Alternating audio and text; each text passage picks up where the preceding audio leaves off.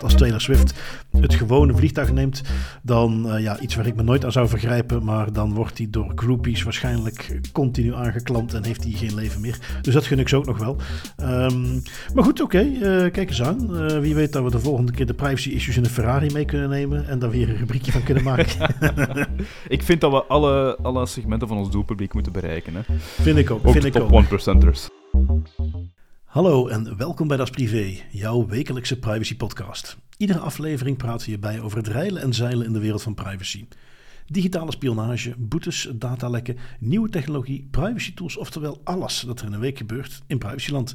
Ik ben Bart van Buitenen en samen met privacy palaveraar Tim van Haren hebben wij het privacy nieuws van deze week gecureerd en eruit gehaald wat er echt toe doet. Deze week in Das Privé. Meta wordt verbannen door Europa en dat is op korte termijn slecht nieuws voor de privacy. We hebben een nieuw voorstel van het Europees Parlement rond chat control en dat begint ergens op te lijken. We hebben verder nog een updateje van Sky ECC, de gift that keeps on giving, zoals wij altijd al meegeven. We overlopen wat verkiezingsprogramma uit Nederland deze keer nog. De Europese Commissie, die zelf ook aan het micro-targeten gaat op Twitter, uh, X uiteraard. Ja, toch weer een aantal dingen die de show lekker vullen. En we hebben eigenlijk zo een aantal, ja, volgens mij hebben we het de vorige keer ook al eens gezegd, een boel updates, dingen die terugkomen. Nou, het zijn er nu zoveel dat we gewoon het hoofdonderdeel uh, gaan meenemen. Maar ja, te leuk om die mee te nemen. En de allerleukste misschien wel. Al ga ik meteen een klein beetje spoilen door te zeggen dat ik de, de, de aandacht en hoe het op LinkedIn onthaald wordt, natuurlijk op andere plekken iets wat overdreven vind. Maar relatief breaking is gisteravond uitgelekt. Um, in Noorwegen heerste er al een verbod op uh, Meta. En specifiek op het gebruik van de contractuele basis. Van ja, we hebben een contract en daarmee mag alles. Of van hun eigen belang om jouw gegevens te gaan verwerken. Um, de Noorse autoriteit die dat heeft uitgevaardigd, die had al gevraagd aan Europa van goh, kunnen jullie dat niet eventjes meteen overnemen? Iets wat wij al vaker riepen, hè, van waarom gaat zo'n mm-hmm. beslissing nou niet eens een keer meteen heel Europa rond in plaats van dat iedere autoriteit apart moet doen. En voorwaar, de EDPB heeft uh, ja, met een tussenstapje gaat het natuurlijk weer aan de Ierse autoriteit opgelegd om zo snel mogelijk aan Meta de beslissing over te maken. Um, dat zij geen gebruik meer mogen maken van het contract dat ze menen te hebben met gebruikers om met hun eigen belang, maar dat ze gaan ja, in de praktijk dus gaan moeten steunen op toestemming van de gebruiker. Um, ja, wat denk je Tim? Goeie zaak? Ja, ik vind dat long-term vind ik dat een heel interessante zaak. Ook om eindelijk eens te zien dat uh, Europese autoriteiten onder de paraplu van de EDPB zich eigenlijk samenscharen achter hetzelfde idee. Um, uiteindelijk, dat is iets wat vaak vergeten wordt, maar de GDPR-wetgeving, een van de doeleinden daarvan is ook het harmoniseren van het uh, handhaven van gegevensbescherming in de Europese Unie. En dat loopt soms nog wat mis, dus ik ben heel blij om te zien dat een toch wel sterke uitspraak van de Noorse autoriteit hier een beetje wordt overgenomen door de EDPB. Alleen ik ben heel benieuwd hoe dat, dat eigenlijk zich gaat vertalen in de realiteit, want we zitten nu tegelijkertijd ook met Meta die met hun pay-or-OK-model komen als reactie op dit soort uh, zaken. Dus ik ben heel benieuwd om te zien wat die, die verhouding uh, gaat manifesteren. Ja, ja, ja, absoluut. Um, het enige waar ik wat mee zit, dat is dat... Want ja, Facebook, Meta heeft zijn alternatief al klaar. Hè? Die zijn, uh, dat ja. over twee ja. weken gelanceerd worden of zo. Die gaan over naar een pay-or-OK model. Waarmee ze dus de toestemming vragen om jou te gaan tracken. Of ze vragen er geld voor. Ik vrees dat dat in de praktijk gaat neerkomen um, op mensen die gewoon zeggen: ja, hallo, ik ga niet betalen voor Facebook, ik ben wel gek. Uh, Oké, okay, dan accepteer ik die trackers maar. Nou, daar hoor je meteen al de basis van het probleem in.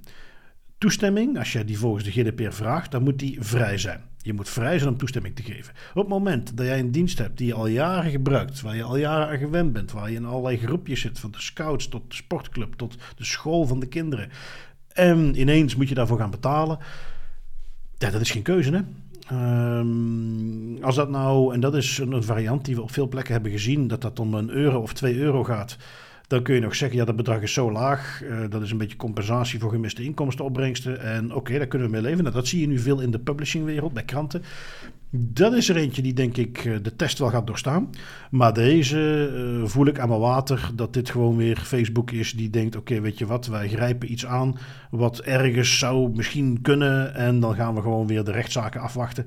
Um, want ze gaan uiteindelijk ook hier niet meer wegkomen, denk ik. En dat is waarom ik in de intro ook zei: op korte termijn denk ik dat dit slechter is voor privacy. Want je gaat gewoon een heleboel mensen krijgen die niet willen betalen, die niet er per se bij stilstaan wat de gevolgen zijn, of zich daar gewoon geen zin daar iets aan aan te trekken. En die gaan gewoon accepteren.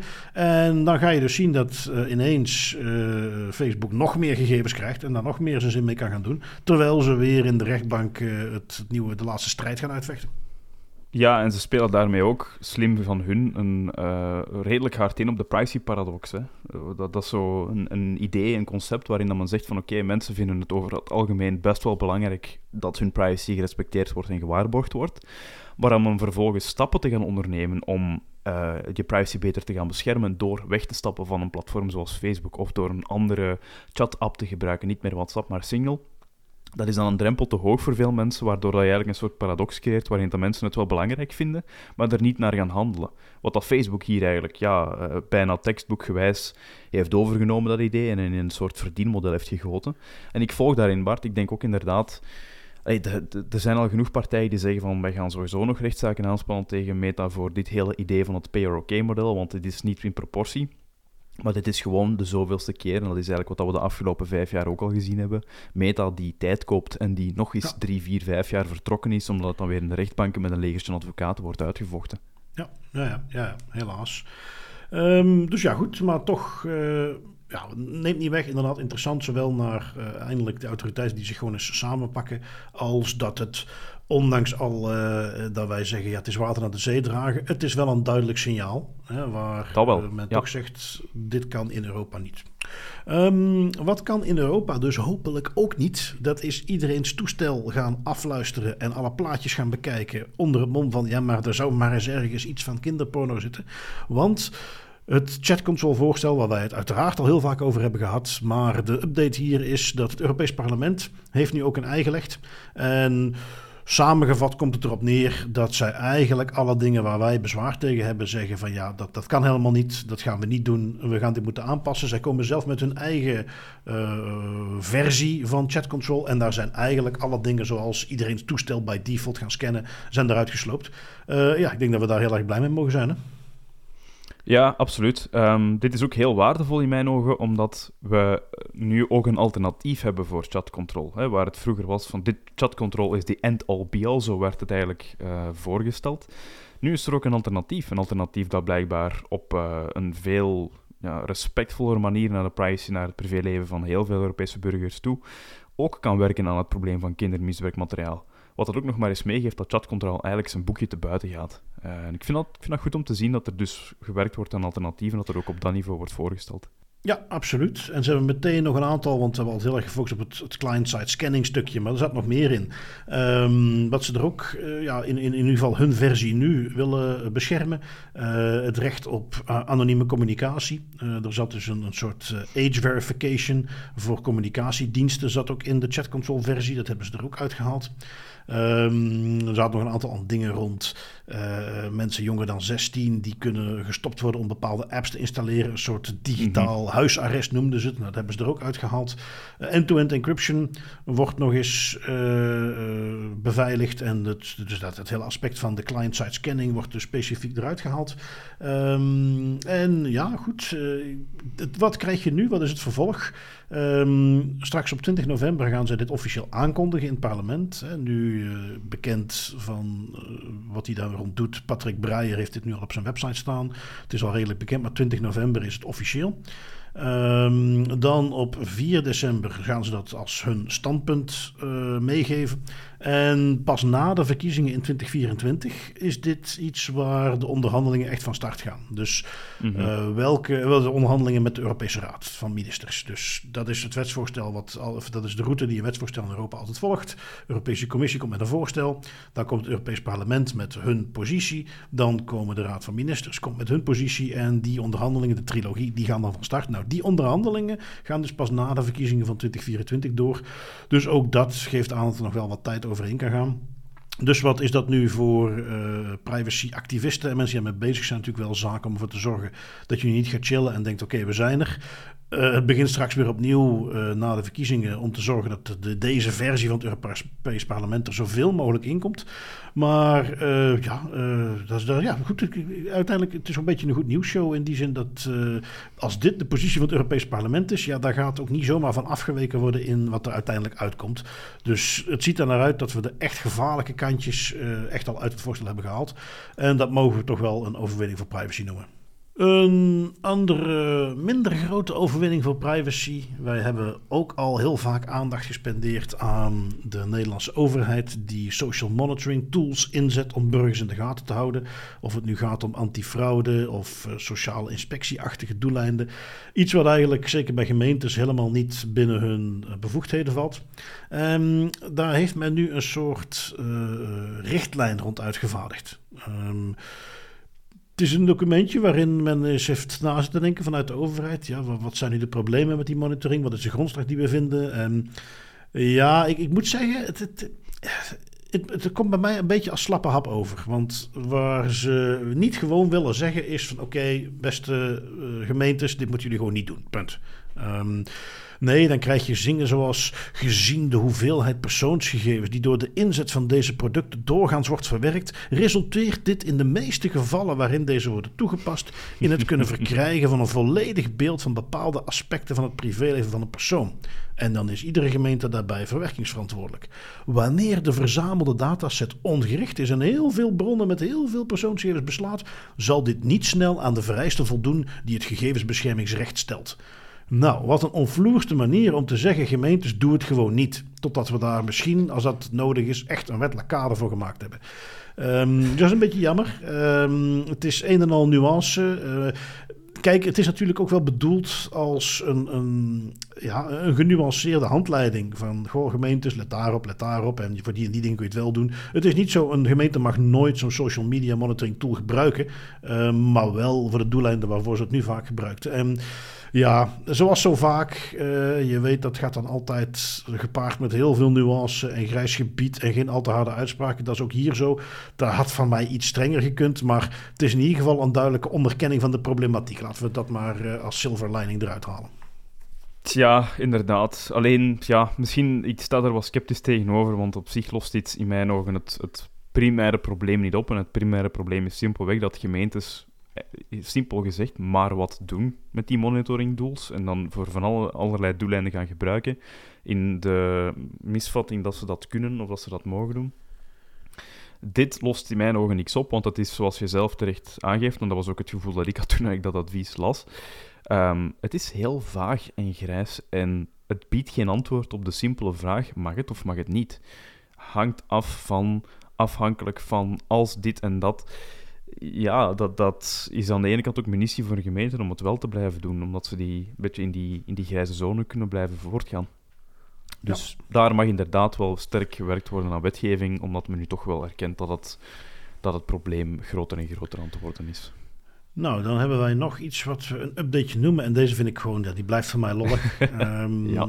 Want iedere keer blijkt dat daar toch weer meer uitkomt. Dat is Sky ECC. dus dat voor de volledigheid, uh, luisteraars die wat later ingesprongen zijn, want het is wel al een paar keer voorbij gekomen. Maar dus dat grootschalige oh politieonderzoek, waarbij de versleutelde appjes die criminelen gebruikten, uh, telefoons en appjes die echt gericht waren op criminelen, die zijn uh, gehackt, laten we het zo maar even noemen, door de politie. En men heeft er alle info uitgehaald. En nu had een volksvertegenwoordiger, mevrouw Marijke Dille, had gevraagd om eens een update te geven. Um, om dus informatie te verstrekken over ja, hoeveel um, uh, dossiers lopen er nu. Um, ik zat even te kijken, want de updates, en ik zag die recent voorbij komen, maar de data die erin staan, en misschien is er niks recenters, is van juli. Dus ondertussen zijn we weer een paar maanden verder. Um, maar op dit moment lopen er dus 531 dossiers op basis van de informatie uit Sky ECC of verrijkt met info uit dat dossier.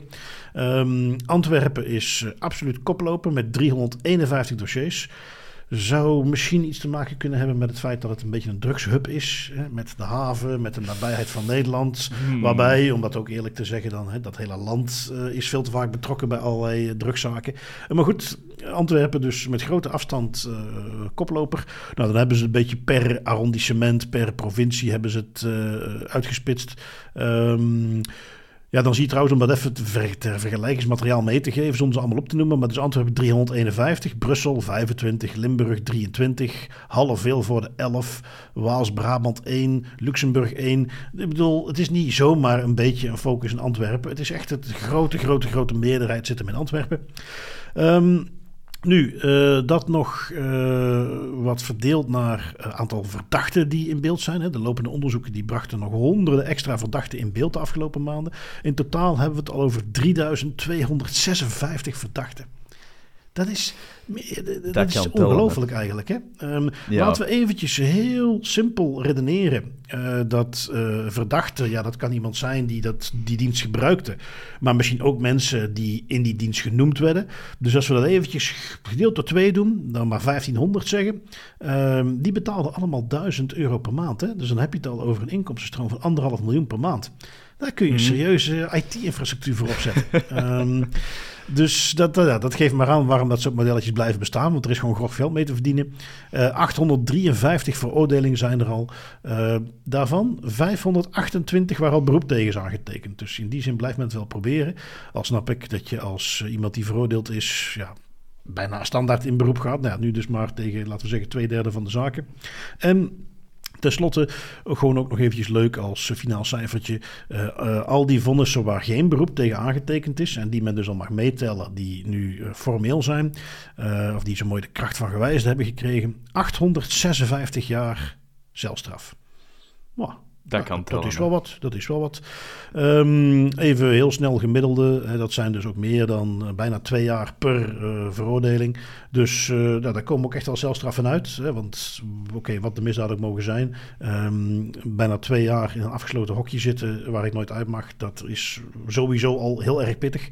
Dus nou ja, samengevat kunnen we toch zeggen opnieuw ons puntje aanhalend van ja, end-to-end encryptie, allerlei mogelijkheden. Joh, het, het, het is de politie echt niet onmogelijk om tot veroordelingen te komen. Um, sterker nog, op het moment dat uh, je zo'n uh, je niet alles gaat ondermijnen en er dus voor gaat zorgen dat, dat op zich criminelen de behoefte voelen om zich te gaan groeperen in hun eigen appjes. Ja, eigenlijk maak je het jezelf alleen maar beter uh, door het op die manier te doen. Laat ze maar steeds die appjes gebruiken. Um, dat zijn toch hele serieuze cijfers. Ja, en, en zoals je zelf ook al zei, Bart, het is the gift that keeps on giving. Ik denk dat wij dat om de zoveel weken wel eens meenemen, Sky ECC. Um, ik ben er, ja, ik vind, dat dan, ik vind dat nog altijd, ik neem het ook vaak mee als, als voorbeeld. Het is een prachtig staaltje gericht politiewerk, waarvan dat de impact op zoveel verschillende facetten voelbaar is. Hè? Want hier zijn het gewoon de cijfers. Hè? Hoeveel, hoeveel keer uh, heeft men iemand als verdachte kunnen aanduiden? Wie is er al in de cel kunnen gestoken worden? Dat is allemaal concreet, maar iets wat dat ook zeker in het begin vaak werd aangehaald als ook wel een belangrijke impact, is uh, de psychologische impact op de criminelen die nog gebruik willen maken van zo'n cryptofoon. Want -hmm. dit was een van de grootste netwerken. En als dan achteraf blijkt dat het gewoon letterlijk een inside job was van de politie en zij konden meekijken met al jouw berichten. Ik zou het zelf, als ik in de schoenen zou moeten staan van zo'n crimineel, verdomd moeilijk vinden om dan vervolgens nog met een andere cryptofoon aan de slag te gaan puur ja, vertrouwen ja, ja. dat weg is in die technologie en in de manier van werken. Ja, nou ja, laten we het hopen. Uh, of ja, eigenlijk laten we het niet hopen, want zolang ze iedere keer weer het volgende appje gebruiken, dan komt er over een jaartje wel weer de volgende politieonderzoekje uit. Vangen jongens, vangen. Nu, een onderzoekje wat iets minder voorspoedig is afgerond, dat is de ICO. Die had eh, Clearview een boete gegeven, maar nou nu blijkt hadden ze dat ja, eigenlijk niet mogen doen. Nee, nee, klopt. Um, de ICO die had een boete gegeven van 7,5 miljoen pond aan Clearview. Uh, Clearview, uh, dat bedrijf dat eigenlijk heel veel afbeeldingen van het internet heeft geschraapt en daar een gigantische facial recognition database mee heeft gebouwd en dan vervolgens die diensten ging aanbieden aan wetshandhavingsdiensten, politie, inlichtingendiensten. Um, er zijn een aantal Europese instellingen die, die uh, dat bedrijf een boete hebben gegeven voor het illegitiem scrapen van ja, persoonsgegevens, van gezichten van mensen. Um, ook de ICO, En de ICO die is daarvoor teruggefloten. Die boete die werd niet terechtgegeven en ook de eis om de persoonsgegevens van de Britten, om die te verwijderen in de data databases van Clearview, dat moet nu ook niet meer gebeuren. En hoe komt dat?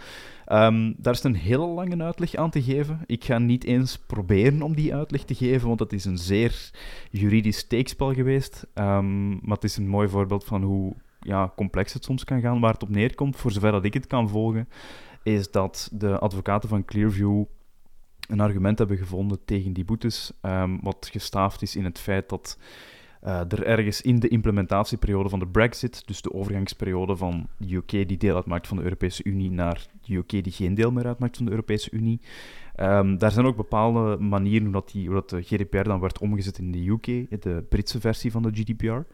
En daar ergens zou iets zijn fout gelopen, waardoor dat de verwerkingen van Clearview buiten scope lagen van de UK GDPR tijdens die implementatieperiode. En dat hebben ze gebruikt, succesvol als argument, om eigenlijk te zeggen, de ICO heeft eigenlijk zijn, zijn boekje te buiten gegaan, is buiten de scope gaan werken en heeft, uh, mocht die boete niet geven. Ja, en dus uh, belangrijk om maar te onthouden. Dit is niet omdat Clearview eigenlijk toch wel legaal is en dus nu voluit los kan gaan in Europa. Dit is gewoon weer de betere juridische acrobatiek die ertoe heeft geleid dat ze ergens dan toch een hoepeltje gevonden hebben om door te springen. En ja, kijk, dat is eh, ook het werk van uh, als je advocaat of jurist inhuurt om jou te verdedigen. Um, en ja, de ICO zal hem gewoon eventjes deze L moeten slikken en begrijpen dat ze de volgende keer iets beter onderzoek moeten doen uh, voordat ze dat aanpakken. Uh, betekent dus ook niks voor de Europese boetes die zijn uitgesproken, waarvan volgens mij er nog niet één betaald is. Maar goed, als ze die zouden willen aanvechten, uh, is het iets waar ze zich in ieder geval niet kunnen beroepen op hetzelfde als waar men zich hier in dit geval op heeft kunnen beroepen. Um, goed, dan gaan wij door met ja, het betere verkiezingswerk. Um, in Nederland komen de verkiezingen er nog iets sneller aan dan bij ons. En dat betekent dat nu via security.nl, um, is ook typisch iets waar Tweakers altijd mee bezig is, maar uh, het is op uh, uh, security.nl gepubliceerd. Die zijn dus de Nederlandse verkiezingsprogramma's gaan doorlichten. Zij hebben dan vervolgens een overzichtje gemaakt. We gaan die niet allemaal overlopen, want het is nogal wat. We hebben het uiteraard wel gelinkt in de show notes. Wat we nog kunnen meegeven als we die verkiezingsprogramma's eventjes gaan bekijken. Uh, want opnieuw ze allemaal overlopen lijkt me niet erg handig. Um, vooral een beetje de, de, de teneur die erin terugkomt. Uh, pak de VVD er even bij, de, Open VLD-tegenhanger in uh, Nederland. Um, informatiedeling in het kader van veiligheid moet verbeteren. Wanneer privacywetgeving in de weg staat bij het verbeteren van de veiligheid van burgers, dan moeten we dat oplossen. Voor zover dat überhaupt ooit echt al speelt, uh, is het natuurlijk ook gewoon een beetje een, loze uh, uitspraak. Moeten we dat oplossen? Ja, oké, fijn. Hoe dan? Wat dan?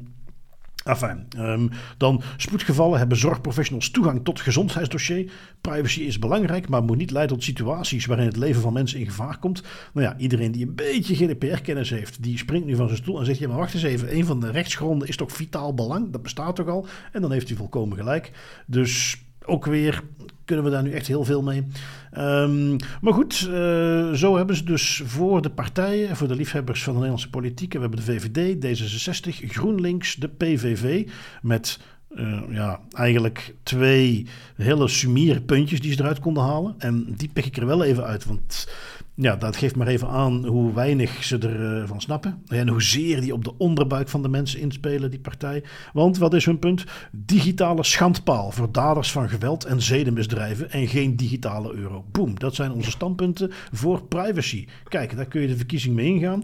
Ik hoop dat ze even puur vanuit mijn privacy hart gesproken daar ongenadig voor afgestraft worden in de verkiezingen. Oh my god. Um, dan hebben we vooral, ik zoek hem eventjes, waar staat hij? Want ja, in Nederland, partijen, uh, dat is een flink lijstje tegenwoordig. Hè? Um, maar ik zocht even de partij van Pieter Omtzigt. Uh, um, nieuw Sociaal Contract, NSC staat het geloof ik voor. en ja, daar moet ik zeggen dat die toch... Uh, af en toe wel een beetje naar rechts neigt. Maar daar zitten ook de basics weer in. Uh, zoals uh, geen client-side scanning, wat eigenlijk al geregeld is. De AP moet meer budget krijgen. Um, maar ook hier weer, dat is dan het rechtse wat ik bedoel. Um, dat grote platforms die moeten de die identiteit van alle gebruikers in hun administratie vastleggen. Op straffen van boetes. Um, verhuurplatforms moeten alles doorgeven aan de Belastingdienst. dus er zitten er een paar dingen in. En wat ik in ieder geval algemeen uithaal, is dat, ja, hoe kan het ook anders? Het is een verkiezingsprogramma. Men toch heel erg de onderbuik opzoekt. Um, weinig inhoudelijk goede dingen voorstelt. Of dingen waarvan ik zeg van, hé, hey, kijk, daar hebben ze een goed punt. Dat gaat de, de, de AVG, GDPR-toepassing verbeteren. Um, maar vooral dingen van veiligheid mag, uh, moet gegarandeerd zijn, mag privacy niet in de weg staan. Uh, en, en ook weer die populistische dingen rond anoniem op het internet zitten. Ja, dat moet dan, uh, iedereen moet identiteit gaan verifiëren. Ik moet er niet aan denken. En laten we hopen dat dit dan het soort verkiezingsbeloftes zijn die niet ingelost gaan worden als ze straks verkozen zijn. Voor één keer mag een politieke partij niet de verkiezingsbeloftes inlossen. En dat ze het eigenlijk liever niet moeten doen. Ja, Soms inderdaad. hebben we het graag dat ze het wel doen, dan zouden ze eigenlijk wel meer moeten doen. Maar voor deze keer mag het omgekeerd. Ik vind het wel goed. Uh, trouwens, inderdaad, Bart, ik, um, ik volg de Nederlandse politiek niet echt op de voet op, moet ik toegeven. En toen ik dus dat artikel openklikte, um, ik verschoot van hoe lang dat de lijst is van partijen. En hoe verschillend dat, dat allemaal is. Als, als, als kleine Vlaming was ik even onder de indruk. Nu, ja, ja, ja, ja, Iets wat ik wel, dat is het enige positieve dat ik zou ik zeggen dat ik daarvan kan zeggen, van de verschillende partijpunten. Er wordt wel redelijk vaak in herhaald dat de AP meer middelen moet krijgen. Mm -hmm. Um, ik zou daar nog aan willen toevoegen, omdat dat wel ook een argument is dat soms ook tegen de AP wordt gebruikt, van meer middelen en misschien ook eens kijken hoe dat die beter en efficiënter ingezet kunnen worden. Maar dat is iets wat dat hier in, bij ons in België, bij de GBA, ook een structureel probleem is. De autoriteiten die te weinig geld krijgen. Dus het uitbreiden van die waakhonden, zeker en vast een heel cool idee. Um, de rest getuigt inderdaad gewoon van ja, weinig inhoudelijke kennis of verstand van zaken. Ja, uh, dat is het hem. En, en goed, dit is er tenminste. Hè? Dit is iets wat ze uit de verkiezingsprogramma ja, ja, van de verschillende partijen hebben kunnen halen. Ik heb, zoals ik al eens aankondigde, en dat is, je hebt daar niks meer van gehoord, omdat ik gewoon niks krijg, uh, alles bij de partijen in België in navraag gedaan. En een paar partijen hebben een naam doorgegeven of een woordvoerder. Een aantal hebben aangegeven van ja, dat is nog, uh, de verkiezingen zijn nog niet. Hè? Waarom zou je nadenken over dingen als er nog geen verkiezingen zijn? lijken ze bijna te insinueren. um, nou goed, daar komt langzaam nader bij. Dus ik ga dat blijven opvolgen. Ik wil ook zo'n lijstje maken van onze Belgische partijen. Um, ja. Want ja, uiteraard mag iedereen dat helemaal voor zichzelf kiezen. Maar ik vind privacy een van de belangrijkere dingen waar ik mijn keuze op ga baseren. Dus dat is voor mij zelf ook belangrijk. Ik vind mogen kiezen een voorrecht. Dat wil ik ook zeker invullen. En ik wil niet weer blanco gaan stemmen. Dus ik ga even kijken welke partij het het beste voor heeft met de privacy. Als ik dan toch ergens op moet kiezen, dan maar het one issue waar ik zelf uh, heel veel mee bezig ben. Uh, maar dus mm -hmm. voorlopig daar nog geen nieuws over. Dat gaan we. Wie weet, dat gaan wij wellicht, uh, als ik dan het cameraproject eindelijk eens afgerond heb, dan gaan wij dat weer crowdsourcen. Want op het moment dat er ineens 50, 60, 70 mensen zijn die bij de partij komen navragen, wat zijn jullie privacy standpunten, dan denk ik dat we uh, wel reactie gaan dan krijgen. Dan kan het dus, snel gaan. Ja, ja. ja dat is uh, een ideetje. Oké, okay, we gaan dat, dan nemen we mee. Goed, voor het zover is, uh, hebben we nog uh, andere overheidsentiteiten zoals de Europese Commissie, die het af en toe nodig vinden om hun standpunten een beetje in de kijker te zetten. Um, ja, dan gaan zij ook zelf dan maar wat social media tooltjes gebruiken. Om precies te zijn, micro-targeting, waarin ze reclameboodschappen specifiek onder aandacht willen brengen. Um, ja, de Europese Commissie zelf moet nu eventjes met de billen bloot, want ook zij hebben zich schuldig gemaakt aan dat soort micro-targeting. En dat kan misschien helemaal niet. Uh, ja, klopt. Er is momenteel een onderzoek bezig bij de Europese Commissie om te kijken of hun eigen politieke micro-targeting micro uh, advertentiecampagne op Twitter, uh, X ondertussen, Never Gets Old ook trouwens, Twitter X, um, dat die ja, potentieel in strijd zal zijn met de Digital Services Act, waar de Europese Commissie zelf op moet toezien. En um, dat is eigenlijk wel grappig, want de persoon die achter het, achter het voorstel en de campagne van um, het tracken van chatberichten en client-side scanning zit, Eurocommissaris Johansson, die uh, zei eerder al dit kan allemaal, dit is geen enkel probleem, 100% zeker, wij doen hier perfect, we zijn hier perfect binnen ons recht. Die krabbelt daar nu ook al een beetje op terug en die zegt, ja, we gaan hier en daar toch opheldering moeten vragen, want het zou best wel eens kunnen rekening houden met de DSA, met de Digital Services Act, um, dat we hier misschien toch buiten de rails zijn gegaan. En waar komt dat eigenlijk op neer? Wat is concreet het probleem? Um, bij microtargeting gaat men gebruik maken van bepaalde targetsegmenten. Dus uh, over, mensen die over 18 zijn, die in België wonen en die een bepaalde politieke voorkeur hebben, bijvoorbeeld. En gaat men bepaalde andere segmenten van uw, van uh, ja, rijkwijde, van uw doelpubliek, ga je die eigenlijk excluderen. Ga je ervoor zorgen dat die niet worden meegenomen, dat die advertenties daar niet worden getoond. Um, nu, Twitter heeft een functie die het mogelijk maakt om uh, transparantierapporten te krijgen. Dat zijn een soort Excel-sheets um, waarin je dan te zien krijgt welke advertentie van wanneer tot wanneer draait op Twitter, wat de target-segmenten zijn en wat het de segmenten zijn die uh, uitgesloten worden van deze advertentiecampagne.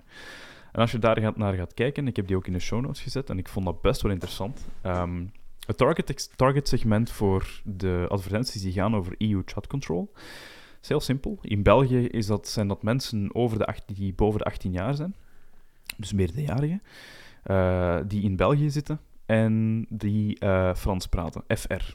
Dat is doelpubliek van deze advertentiecampagne. Maar wat interessanter is dan dat, is de stukken, de segmenten die niet worden meegenomen, waar men zegt van ik wil niet dat die advertentie aan deze mensen uh, getoond wordt.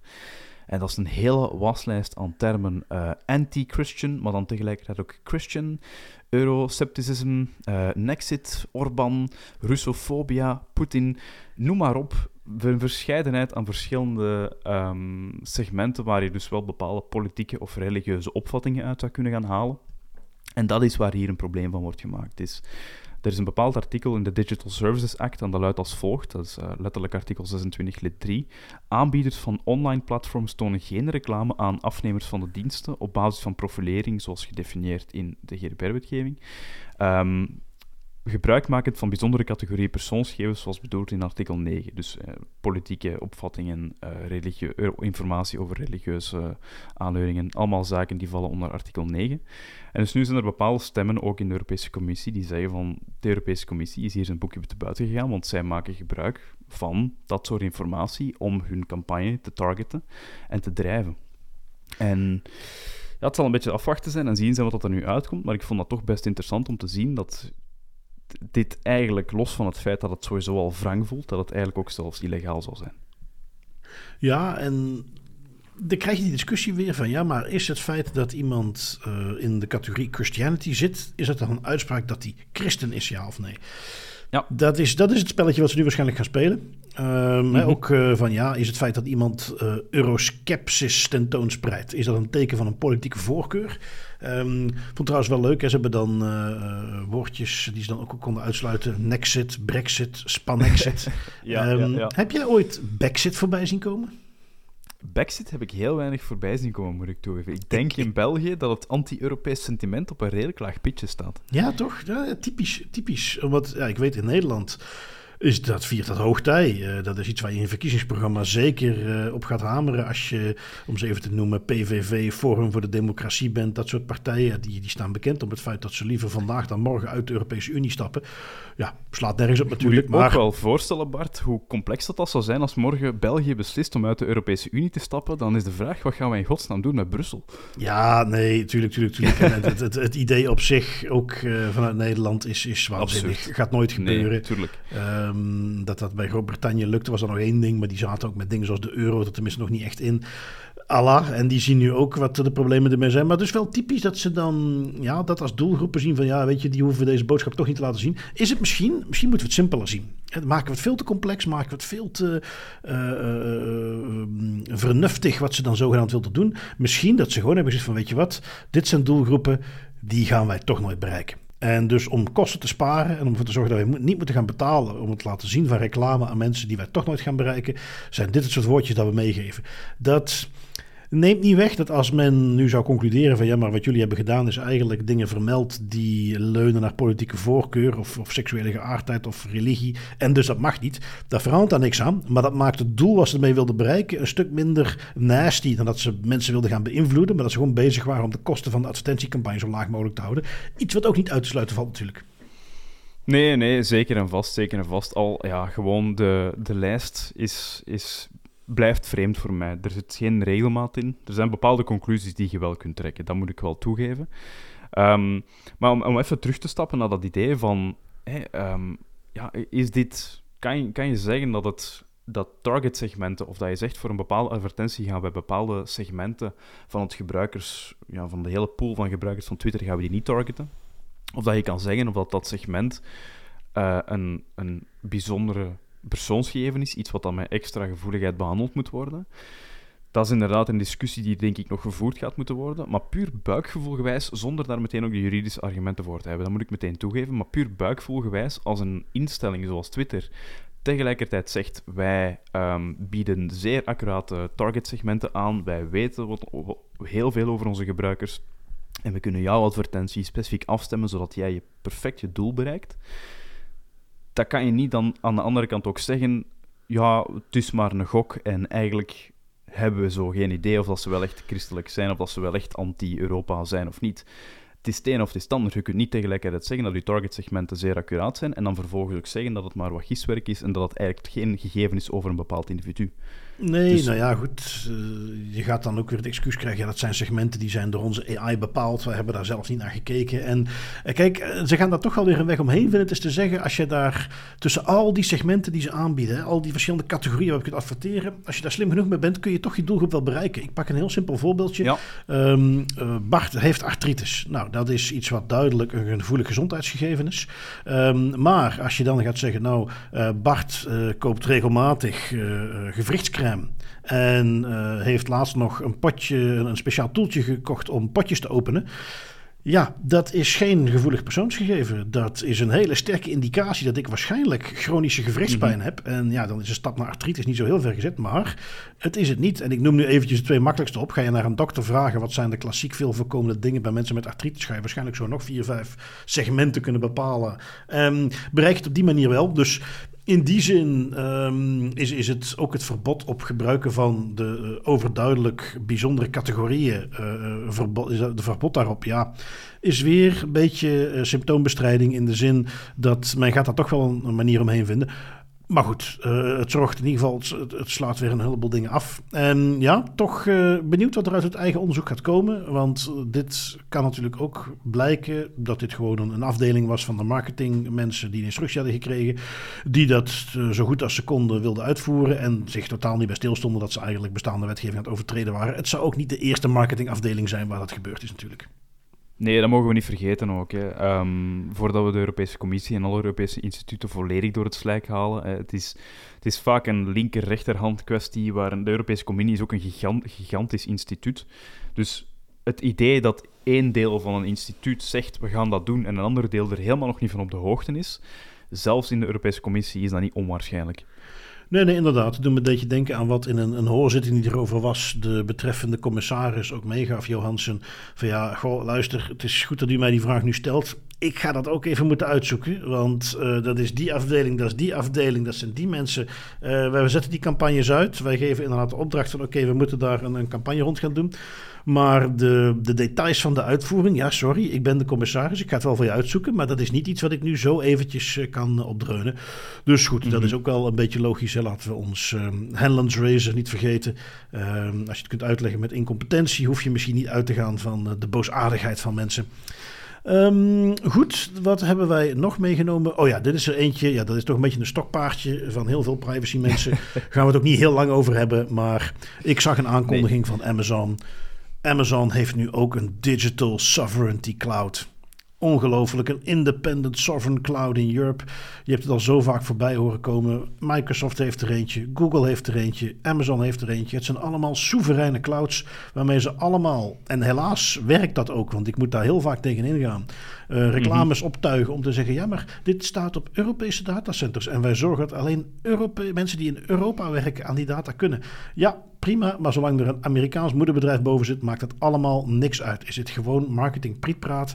Um, wil ik niet zeggen dat dat heel vaak gebeurt, wil ik niet zeggen dat er continu misbruik van wordt gemaakt, maar gewoon al in de context waarin wij opereren, het feit dat die mogelijkheid bestaat, dat die morgen een briefje krijgen en dat ze die gegevens gewoon in moeten leveren, of het nu Europese medewerkers zijn of in een Europees datacentrum staat, maakt allemaal niet uit. Um, dat ondergraaft dit volledig. En het enige waarom ik hem ook nog eens meeneem, is dat dus privacy professionals die dit horen, dit nu weten. Dit is weer de volgende. We weten ook hoe je daar tegenin moet gaan. Um, want zolang, daar, daar komt het uiteindelijk op neer via een omweg de controle bij die cloud operator ligt, maakt niet uit waar die data staat, is het nog steeds een risico. Um, ja, vanuit mijn persoonlijke mening, uh, geen, geen officiële autoriteitenuitspraak, maar ben je bij een overheid, ben je bij een politiedienst, ben je ergens waarbij je met gevoelige gegevens werkt die ook op nationaal veiligheidsniveau het wereldtoneel van strategisch belang kunnen zijn, ga alsjeblieft niet in een Amerikaanse cloud zitten. Of een Chinese of een Russische cloud. Maar goed, dat is meestal iets minder, uh, iets wat toelichting nodig heeft. Maar ook een Amerikaanse cloud. Ga toch eens gewoon lekker Europees kijken. Of probeer het in ieder geval eens aan te halen. Tot zover de rant. om daar nog aan toe te voegen aan die rant, want ik vond het eigenlijk wel mooi. Um, dat, is, een argument dat ook dat wel werkt in mijn ogen. Het idee van iets op een Chinese of Russische cloud zetten, daar wordt stijgend op gereageerd. En dat is iets waar iedereen meteen van snapt van, dat gaan we toch niet doen. Uh, zeker in gevoelige contexten en zeker op nationaal niveau. Maar als we het dan hebben over een Amerikaanse cloud, dan is er plotseling minder aan de hand, dan is er plotseling geen probleem, terwijl uiteindelijk dezelfde vrezen, dezelfde risico's met betrekking tot externe inlichtingendiensten van derde, part, van derde landen die um, eisen dat bepaalde gegevens doorgespeeld worden, dat risico is even reëel bij Amerikaanse cloud providers. Dat zien we ook in de. Wel, reëel in die zin dat ik moet het misschien moet mezelf verbeteren. Um, ik, China en Rusland gaan dat sneller doen. Maar het gebeurt ook wel bij Amerikaanse cloud providers. En dat zien we ook in de rapporteringen daarover. Gaan ze het evenveel doen, even snel? Nee, ik denk het niet. Hè. Die, daar hebben we het vorige week ook nog over gehad. Die Europese, de, niet de Europese, maar de Amerikaanse cloud providers, die zijn zeer transparant over hoe vaak dat zij zo'n request krijgen van de Amerikaanse inlichtingendiensten. Die zijn ook zeer transparant over het feit dat zij dat heel hard aanvechten. Iets wat dat dan bij Chinese of Russische, Russische uh, cloud providers niet het geval zal zijn. Of minder snel het geval. Dus er, is, er zijn wel bepaalde nuances, maar het core van het risico, dat bestaat ook bij een Amerikaanse cloud. Ja. Ja, ja, ja, ja. valt weinig op af te dingen. Um, en ja, uh, ze blijven het steeds opnieuw proberen met dit soort uh, techniekjes. En uh, het enige wat men nog wel eens kan zeggen over Amerikaanse clouds, ze zitten in een VN-bondgenootschap. Dat zijn strategische partners rond inlichtingendiensten. Maar je hoeft de kat ook niet op het spek te binden. je mag het gerust ook net ietsje moeilijker maken om eraan te komen. Uh, goed. Uh, we zijn natuurlijk op, op heel veel vlakken zijn we een beetje Amerika gefocust. Ook in de entertainmentindustrie, ook in de elektrische auto's die we hebben. En dat is natuurlijk een heel goedkoop bruggetje naar de vraag die ik kennelijk aan jou moet stellen. want wat hebben Elon Musk en Taylor Swift gemeen? Die, wel, wat zij gemeen hebben, is dat zij allebei reizen met een privéjet. En dat zij niet graag hebben dat mensen uh, hun reizen met de privéjet volgen. Uh, er was heel veel gedoe rond tijdje terug met een twitteraar die op Twitter eigenlijk elk gebruik van Elon Musk's privéjet volgde en daar ook over rapporteerde. Tot op het punt dat Elon Musk die vent zelf is gaan aanspreken en heeft gezegd van jongens, uh, dit is niet meer grappig. Ik heb geen zin dat een of andere wakko mij neerschiet omdat ze weten waar dan mijn jet landt. Waar wel iets voor te zeggen valt, of dat je Elon Musk een sympathieke vent vindt of niet, maar als iemand elke keer rapporteert waar dat in een auto staat, zou je ook niet tof vinden, denk ik. Um, dus Taylor Swift ook. En, en waar gaat het eigenlijk over? Dat was een leuk artikel van Forbes. Um, dat gaat eigenlijk over een bepaald programma, een federaal programma van de Verenigde Staten. PIA heet dat programma, de Privacy ICO Aircraft Address. Hè. Zoals je weet, elk vliegtuig, privéjet of commerciële of cargo liner, um, die zenden een signaal uit. En je hebt van die trackers online waarmee dat je dat eigenlijk gewoon kunt volgen als, als ja, betrokken als, als uh, commerciële entiteit. Dus je ziet eigenlijk op elk moment waar dan een vliegtuig in de lucht is, waar dat het land en waar dat dan terug naartoe gaat. Ook met privéjets. Nu, dat kan in bepaalde omstandigheden wel een probleem vormen. Um, zeker als je dan inderdaad ja, nogal high-profile functie hebt of een high-profile uh, presence hebt. Dan zou je wel eens willen dat jouw gebruik van jouw privéjet niet zomaar publiek beschikbaar is. Dus het, de federale uh, regering van de Verenigde Staten die heeft er dan voor gezorgd dat er een programma is, de PIA, um, een privacy-programma, ja, ze bestaan ook in de Verenigde Staten. Waarmee het voor private jet owners, uiteraard alleen voor de rijken helaas in dit geval, ja, land of the free, as long as you're rich enough, um, mogelijk is om een alternatieve manier van tracken en het verzenden van communicatie te gebruiken. Um, waardoor dat jouw gebruik van jouw privéjet niet zomaar terug te herleiden valt tot jou. En, en om eigenlijk de, de ja, om, om te zeggen, commerciële ontvangers een beetje te misleiden. Um, dat wordt ook verkocht als daarmee ben je volledig anoniem, daar ben je volledig mee veilig. Nu, het probleem is dat dat eigenlijk, en dat is ook wat dat Forbes hier aanhaalt, dat is een, dat is een illusie. Ehm, net zoals met heel veel aspecten als het gaat over anonimiteit, is het zeer moeilijk om echt te zeggen dat een gegeven anoniem is. Ook het gebruik, het coming and going van een, van een privaat vliegtuig, om dat anoniem te krijgen, dat is ook zeer moeilijk. Zeker met de technologie die er vandaag de dag is. En dus waar men op stoot is, er zijn gewoon niet genoeg privévliegtuigen om te kunnen zeggen dat die gegevens anoniem zijn. En het is zeer gemakkelijk om die gemaskeerde data, om die terug te herleiden naar de jet van Elon Musk of Taylor Swift of dergelijke. En daar zijn dan natuurlijk third parties opgesprongen, commerciële bedrijven die exact dat doen. Het tracken van privévliegtuigen. En om maar gewoon mee te geven, als het aankomt op het verkopen van iets dat anoniem is, of zeggen, bestempelen dat een gegeven anoniem is, heel goed nadenken over wat dat er eigenlijk allemaal uh, vandaag de dag qua technologie en qua data aanwezig is. Want ook hier blijkt het voor zowel voor Elon Musk en Taylor Swift verdomd moeilijk om eigenlijk ervoor te zorgen dat ze anoniem kunnen reizen met hun privat, private jet. Nou, dat is een uh, das privé, das beter. Uh, het is iets wat ik ook meeneem vanaf dat ik met mijn eigen privéjet ga rondreizen. Dan weet ik dat ik hier rekening mee moet houden. Um, ja, uh, is dit niet de definitie van first world problems? Wel, ja, absoluut. Maar het is, het is een mooi voorbeeld dat zelfs uh, de top 1%ers, zoals uh, recent biljonair geworden Taylor Swift en Elon Musk, dat zelfs zij kampen met het probleem van privacy en zelfs zij kampen met het idee dat ze getracked worden. Met ja. een private jet, luxe probleem, uiteraard. Hè. Er zijn andere manieren om te reizen die misschien minder ostentatief zijn, maar het is wel een probleem. En ja, de, het, het, programma van de Verenigde Staten, dat er eigenlijk voor moet zorgen dat dat geen probleem is, dat werkt niet. Uh, en dat geeft de mensen een vals gevoel van veiligheid en geeft de mensen een vals gevoel van anonimiteit. Ja, al, al, al begreep ik het programma wel, dat het probleem vooral is dat mensen het niet goed gebruiken. Want je kunt allerlei alternatieve identifiers aanvragen en die kun je dan gebruiken. En dan moet je die gewoon wisselen tussen je vliegt, uh, als je gaat vliegen. En de FAA die kent dat dan, dus die weet dat het nog steeds hetzelfde vliegtuig is. Maar in de praktijk doen ze dat niet. Dus uh, hier ook misschien weer, om het dan even aan te koppelen, de das privé, das beter voor uh, Elon Musk en Taylor Swift. Neem iemand in dienst, wiens enige functie het is om op jouw privéjet te zitten en die codes gewoon geregeld aan te passen. En dan lost het probleem zich ook op. Zo zie je maar, de rijken, als die een privacyprobleem hebben, daar is iets aan te doen. Het is te fixen. Um, of, ja.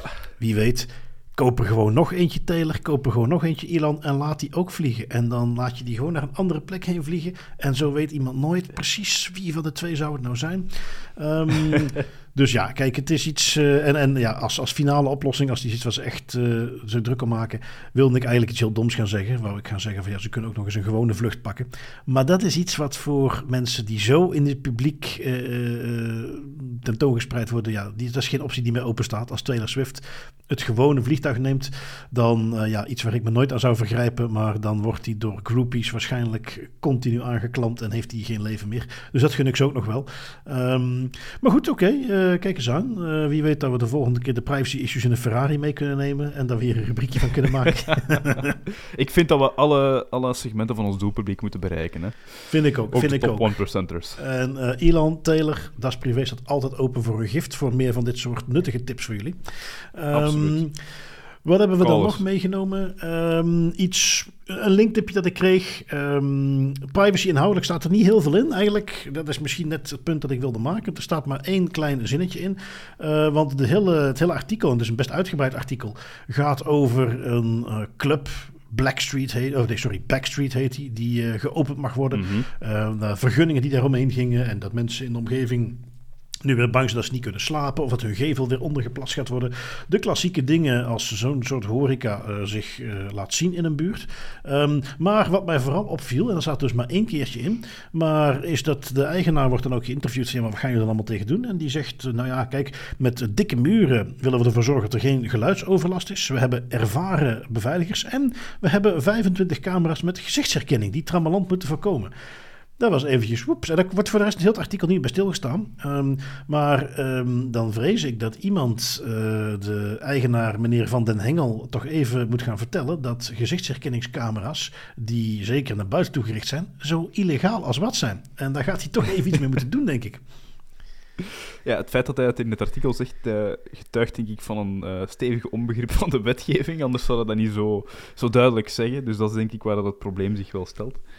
Uh, ja, wat kan ik daar nog van zeggen? Ik hoop dat die dingen snel weg zijn. Ja, nee, inderdaad. Het was, uh, maar goed, leuke poging om het dan toch te gaan beveiligen. Ik, ik, ik, hoop voor hem dat hij gewoon het concept slimme camera verwacht met gezichtsherkenning. En dat er misschien wel iets slims in zit, maar niet echt gezichtsherkenning. Maar ik zie het ze nog doen, hè. Eén op één linkje met een toeltje wat PimEyes gebruikt om vervolgens meteen naam en toenaam te krijgen. Mm -hmm. um, maar ja, dus uh, heel foei, mag niet. Um, even zien, wij gaan door met uh, een datalekje. Of eerder iets wat voortvloeit uit het datalek. Um, ik vind hem interessant omdat het het speelt in op mijn paranoïde geest. Um, als ik me niet vergis, Tim, jij gebruikt al een tijdje een uh, wachtwoordmanager. Ja, klopt. Ik, uh, ik doe dat niet. Omdat ik altijd ja, te paranoia ben geweest in de zin van... ja, maar dan zit ergens in een cloud zitten dan nog al mijn wachtwoorden. En... Dat, uh, en we moet er meteen eventjes eerlijkheidshalve bij zeggen. Aan, overal waar ik kom, als ik iets moet adviseren, ga ik heus wel een wachtwoordmanager adviseren. Want in de meeste gevallen gaat men niet zoals ik ergens in een end-to-end encrypted notitie al die dingen bijhouden. En dus iedere keer als ik ergens wil inloggen, daarin moeten gaan zoeken. Um, wat op zich nog best een veilige manier is volgens mij. Maar niet de meest gebruiksvriendelijke en zeker niet wat de meeste mensen doen. Dat gezegd zijnde, LastPass, een van de bekendste, zo niet de bekendste wachtwoordmanager, die was een tijdje geleden gehackt. Um, daar hebben wij toen ook aandacht aan gespendeerd. Uh, heel ingenieus. Dat was een hele mooie hack. Um, naar wat er uiteindelijk mee gedaan is, zou je kunnen zeggen dat was van Noord-Koreaanse makelij. Maar daar is volgens mij nooit een officiële attribution, zoals het zo mooi heet, uh, voor bekend. In ieder geval, dat is ook niet het issue waar ik het over wil hebben. Ze waren dus gehackt. Um, wat was er mm-hmm. uiteindelijk gestolen? De zogenaamde password vaults. Dus als jij op zo'n dienst een, uh, een wachtwoordmanager gebruikt en jij gaat daar wachtwoorden instoppen, dan gaan zij natuurlijk er ook wel voor zorgen dat ze daar zelf niet aan kunnen. Dat zij niet zomaar die wachtwoorden kunnen lezen, dat die opgeslagen zijn op een beveiligde manier. Nou, dat is wat LastPass op zich wel deed, maar dus nadat zij gehackt waren, nadat een van hun engineers, die met dus ja, zo hoog mogelijkse toegang um, gehackt was en ze zo toegang kregen tot die kluizen, was er de vrees van ja, misschien gaan die kluizen nu gebrute forced worden. Misschien gaan aanvallers daar gewoon op losgaan. Uh, totdat ze er toch door een aantal heen komen. En daarbij is men zich vooral gaan richten op eigenaars van crypto wallets, waar dus voor miljoenen aan digitale munt in zit. Um, ja, ondertussen is dat dus wel succesvol. Er zijn onderzoekers die hebben dit opgevolgd. Die zijn gaan nakijken van ja, op hoeveel uh, plekken kunnen we nu terugzien of dit wel of niet via de LastPass was. Dus er is een onderzoeker, een zekere meneer Monahan, die is dat gaan opvolgen. Um, en die is tot de conclusie gekomen dat hij uh, in zijn onderzoek heeft hij een heleboel dingen opgevolgd. En bijvoorbeeld op 25 oktober, alleen die dag, was er 4,4 miljoen euro die werd buitgemaakt. En volgens hem is dat te herleiden tot mensen die in LastPass hun uh, seed phrase, uh, dus ja, laat het maar even simpel zeggen, het wachtwoord voor hun digitale portemonnee, hadden opgeslagen in LastPass. Um, dat heeft hij dan weer kunnen herleiden naar die lek. Dus toch voor het eerst wat bewijs dat die uh, LastPass hack, uh, ook al was het iets waar men zelf van zei, ja, maar ze hebben geen wachtwoorden buitgemaakt, ze hebben alleen maar de vaults en die vaults komen ze niet binnen. Wel, er is nu toch aardig wat bewijs dat dat uiteindelijk wel kan lukken. Moeten jij en ik ons daar nu meteen druk om maken? Nee, wij zijn geen eigenaren van miljoenen in crypto coins. En dat was hier heel duidelijk de doelgroep. Hè, vandaar ook de link met Noord-Korea. Um, voor, het is niet alsof ze gewoon willekeurig voor iedereen die wallet zijn gaan hacken. Ze hadden echt dat gedaan voor gebruikers waarvan ze wisten, die zijn eigenaar van zo'n crypto wallet. Maar toch, het, het, het voedt de, de paranoia rond het gebruik van een wachtwoordmanager een beetje. Ik uh, kan dat alleen maar ondersteunen, die paranoia. Ik denk dat dat ergens ook heel logisch is. Hoewel ik zelf een passwordmanager gebruik. En om daar meteen aan toe te voegen, en dat is denk ik mijn en dat is privé, dat is beter voor het tegengaan van die paranoia, Bart. Eh, ik ga jou het licht laten zien. Oh. Um, uh, wat ik doe is heel simpelweg. Ik heb een passwordmanager. Ik steek daar echt op bijna autistisch alle wachtwoorden in. Dus ook van dingen waar ik van denk van, goh ja, als dat morgen lekt, is dat het minst van mijn zorgen. Um, maar ik maak gewoon mentaal een, een, een, bedenking van op een schaal van 1 tot 10. Hoe, hoe groot is mijn hartaanval als morgen dat wachtwoord van die account lekt, als dat publiek komt te staan? En als dat meer dan 6 is, bij wijze van spreken, als ik echt een gigantische hartaanval krijg, dan ga ik daar ook multifactor authentication op toepassen. En dan heb je eigenlijk al twee lagen. Stel dan toch in het onwaarschijnlijke geval, want ik gebruik ProtonPass, dat ProtonMail een gigantische fuck-up heeft en dat zij een lek hebben en dat, er, ehm, dat ze ook op dezelfde manier zoals LastPass nu het slachtoffer is geworden, um, die, die wachtwoorden beginnen te brute Wel, dan heb ik nog een tweede laag waar ik op kan terugvallen met multifactor authentication. Dus op die manier, want ik, ik heb ook lang geen passwordmanager gebruikt voor dezelfde redenen en bedenkingen, maar ik had dan zoiets van, ja, nee, dat kan me dat niet laten tegenhouden, ik moet dat wel doen. Multifactor authentication lost de rest van mijn problemen op. En ik moet zeggen, ik ben er uh, heel blij mee. Dat is een lifesaver geweest. En dat heeft mij ook beter leren omgaan met wachtwoorden in het algemeen. Want nu heeft alles een apart wachtwoord en ja, is het heel handig. Mm, ja, nou ja, kijk, daar hebben wij weer een mooi genuanceerd verhaaltje van gemaakt. Um, even zien, dan gaan wij door naar onze vrienden van de autoriteiten. You will respect my authority! En ik laat de eerste eventjes aan jou, want de Italiaanse garant die pakt nog eens flink uit. Ja, die geeft nog eens een mokerslag. Eh, een mokerslag van 10 miljoen euro voor de elektriciteit- en gasleverancier Axpo. Um, Axpo die had fouten gemaakt. Die werkte samen met 280 externe vendors en suppliers. Um, dat, is een, dat is een netwerk waar zij gebruik van maakten voor het um, verwerven van nieuwe elektriciteits- en gascontracten voor klanten. dus die suppliers, die 280 suppliers, die verkochten contracten aan hun klanten en dan vervolgens werden die door Axpo ingevuld. Um, probleem was, Expo controleerde nooit of dat de persoonsgegevens in die contracten, of dat die effectief wel juist waren en correct waren en te linken waren aan een individu uh, dat zo'n contract wenste. En er zijn een aantal mensen aan de garantie gestapt, omdat die op een bepaald moment een brief in de bus kregen van hun, ja, van hun eigen e-, energieleverancier, niet van Axpo. Uh, met de melding dat hun contract was stopgezet en dat zij vanaf nu ja, in zee gingen gaan met Axpo, zonder dat die mensen dat wouden.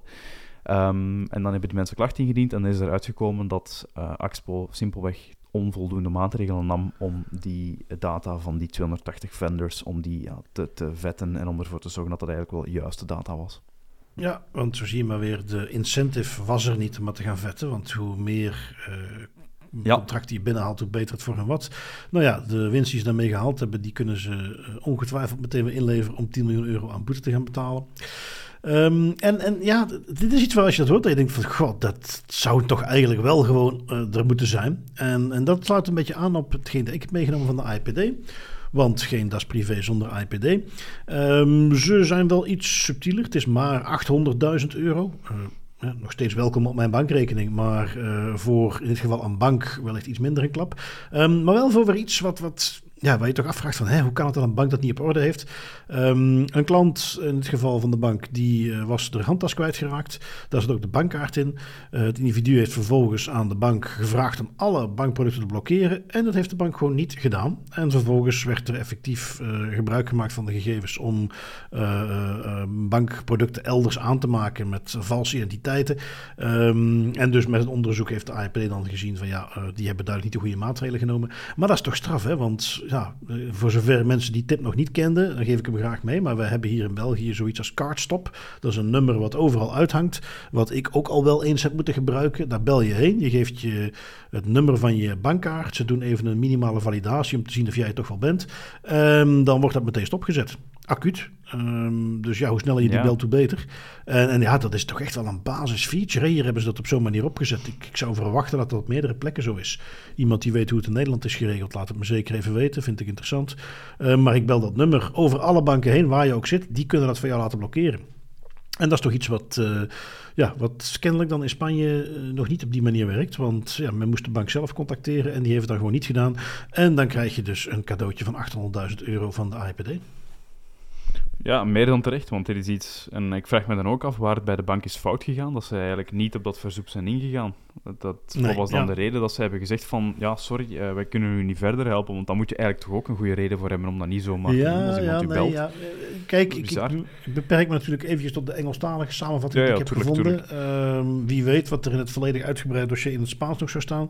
Maar Inderdaad. Kijk, als je er een boete voor krijgt, gaat het sowieso betekenen dat, uh, dat de bank dit proces niet op orde had. Um, dus ja, mm -hmm. uh, eentje om uh, alert op te zijn. Um, wat hebben we dan nog? Een Duitse rechtbank die verklaart do not track wettelijk bindend. Is wel interessant, want daar is toch altijd discussie over geweest. Jij hebt hem meegenomen, Tim. Daar is heel veel discussie over geweest. Het is de District Court van Berlijn die een uitspraak hebben gedaan tegen, volgens mij was het LinkedIn. Ehm, dat ging over een aantal zaken die betrekking hadden op gegevensbescherming, maar een van de elementen in die uitspraak was ehm, het feit dat LinkedIn zei van ja, als wij mensen willen tracken, uh, door bijvoorbeeld het gebruik van cookies, um, wij gaan geen rekening houden met Do Not Track, want Do Not Track is voor ons geen legitiem instrument. En ja, daar viel misschien iets voor te zeggen, want Do Not Track is een standaard die je kan gebruiken in je browser om aan te geven aan websites ik wil niet getracked worden by default, zodat jij, zodat jij niet altijd op een cookie banner moet klikken of iets dergelijks. Maar het is niet meer dan dat, het is een standaard. Het werkt op een honor-based system, dus als, uh, ja, als mediabedrijf uh, of als LinkedIn bijvoorbeeld, je hoeft je daar niet aan te houden, want dat is niet wettelijk verplicht dat is, daar is altijd heel veel discussie over geweest, maar dat was het perspectief van die social media bedrijven.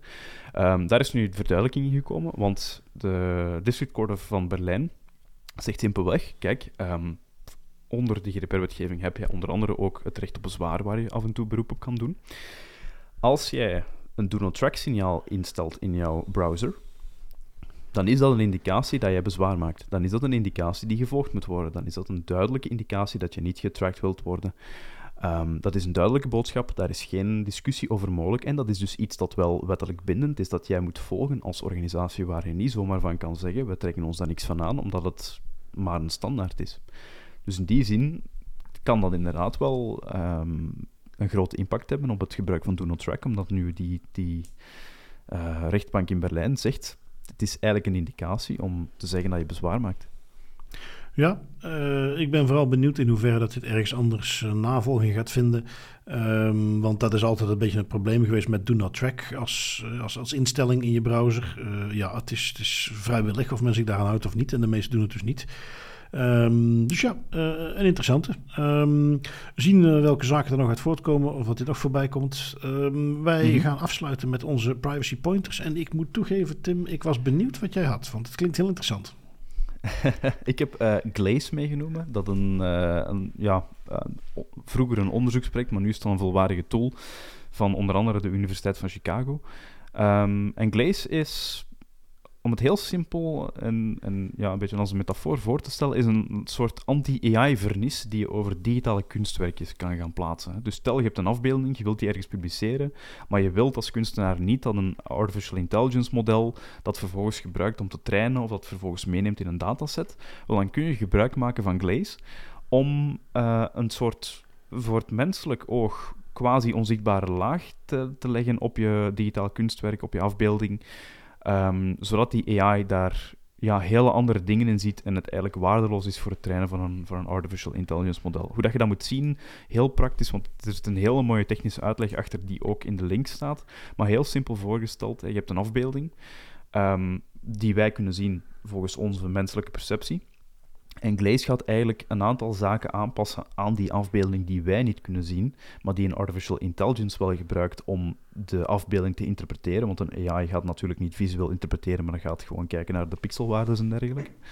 En past daar dus bepaalde minuscule dingen aan aan, waardoor die AI bijvoorbeeld geen, boom, geen afbeelding van een boom meer gaat zien, maar een volledige weerwaar aan pixels in verschillende kleuren of uh, varianten van vormen. En dus op die manier bij wijze van spreken, vergiftig je eigenlijk je digitaal kunstwerk tegen het gebruik door AI. Oké, okay. ja, een AI-watermerkje. Nou, netjes, netjes. Ja. Leuk idee. Um, wat heb ik meegenomen? Um, iets waar wij als gedeformeerde privacy mensen wel eens tegenaan lopen, ook security mensen. Je loopt wel eens voorbij een computer en die is niet gelokt. En dan moet ik toegeven dat ik meteen onderscheid maak tussen... ik zit in een meeting met twee, drie andere mensen. Die mensen ken ik, die vertrouw ik. Een van hen gaat naar het toilet en die laat zijn laptop unlocked staan. Daar kan ik mee leven. Dan is het een beetje een naaistreek om daar dan gebruik van te maken. Want je zit in een ruimte ja. met mensen die je vertrouwt. Dan moet dat ook gewoon kunnen. Um, Oké, okay, sowieso de reflex moet zijn lokken. Maar het is niet iets waar ik misbruik van wil maken. Maar als ik wel eens rondloop bij een klant, ik DPO ben of rond security een audit moet doen. Um, en het is op een wat publiek toegankelijkere plek en die staat ook geunlocked. Heb je wel eens zoiets van: oké, wat kan ik nu doen? En soms open je dan gewoon eventjes een notepadje en tik je daarin van... hé, hey, deze computer had je moeten lokken. Um, in het verleden was ik zelf iets minder fan van... maar ik heb me vaak genoeg gezien. Dan gaan mensen dan een mailtje sturen naar het hele bedrijf. Ik trakteer op uh, een, broodje vanmiddag.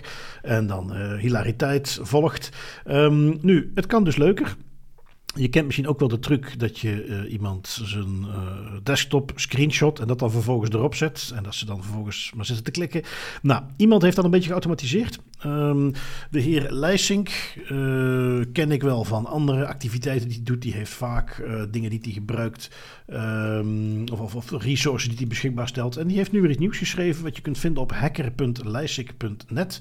Um, Hugo Leisink heeft hier dus een geautomatiseerd toeltje gemaakt waar je gewoon op een start startknopje kunt duwen en dan de browser op fullscreen zet. En dan kun je ervoor kiezen of het lijkt op een soort ransomware encryptie dingetje. Of dat het eerder een soort hackerscreen is. Of een hele lelijke pagina met gewoon je bent gehackt. Um, hij heeft een aantal opties, uh, maar die dus gewoon, je kunt snel naar die website toe gaan. Zet de browser op fullscreen, drukt op start. En dan heb je qua awareness alweer iets leuks. Zonder dat er natuurlijk echt iets, iets kapot gemaakt wordt. Een kleine druk op escape of de pagina refresh en het is al opgelost. Um, ja, dat is mijn linktip. Uh, mijn privacy pointer voor deze week om te gebruiken. Um, doe er je ding mee, zou ik zeggen.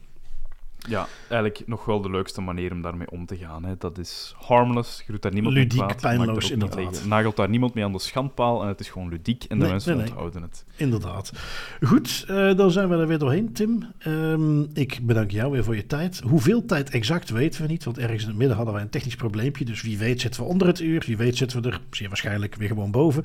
Misschien zelfs meer dan anders, zou ook zomaar kunnen. We zullen het zien en volgende week doen we het gewoon nog eens opnieuw.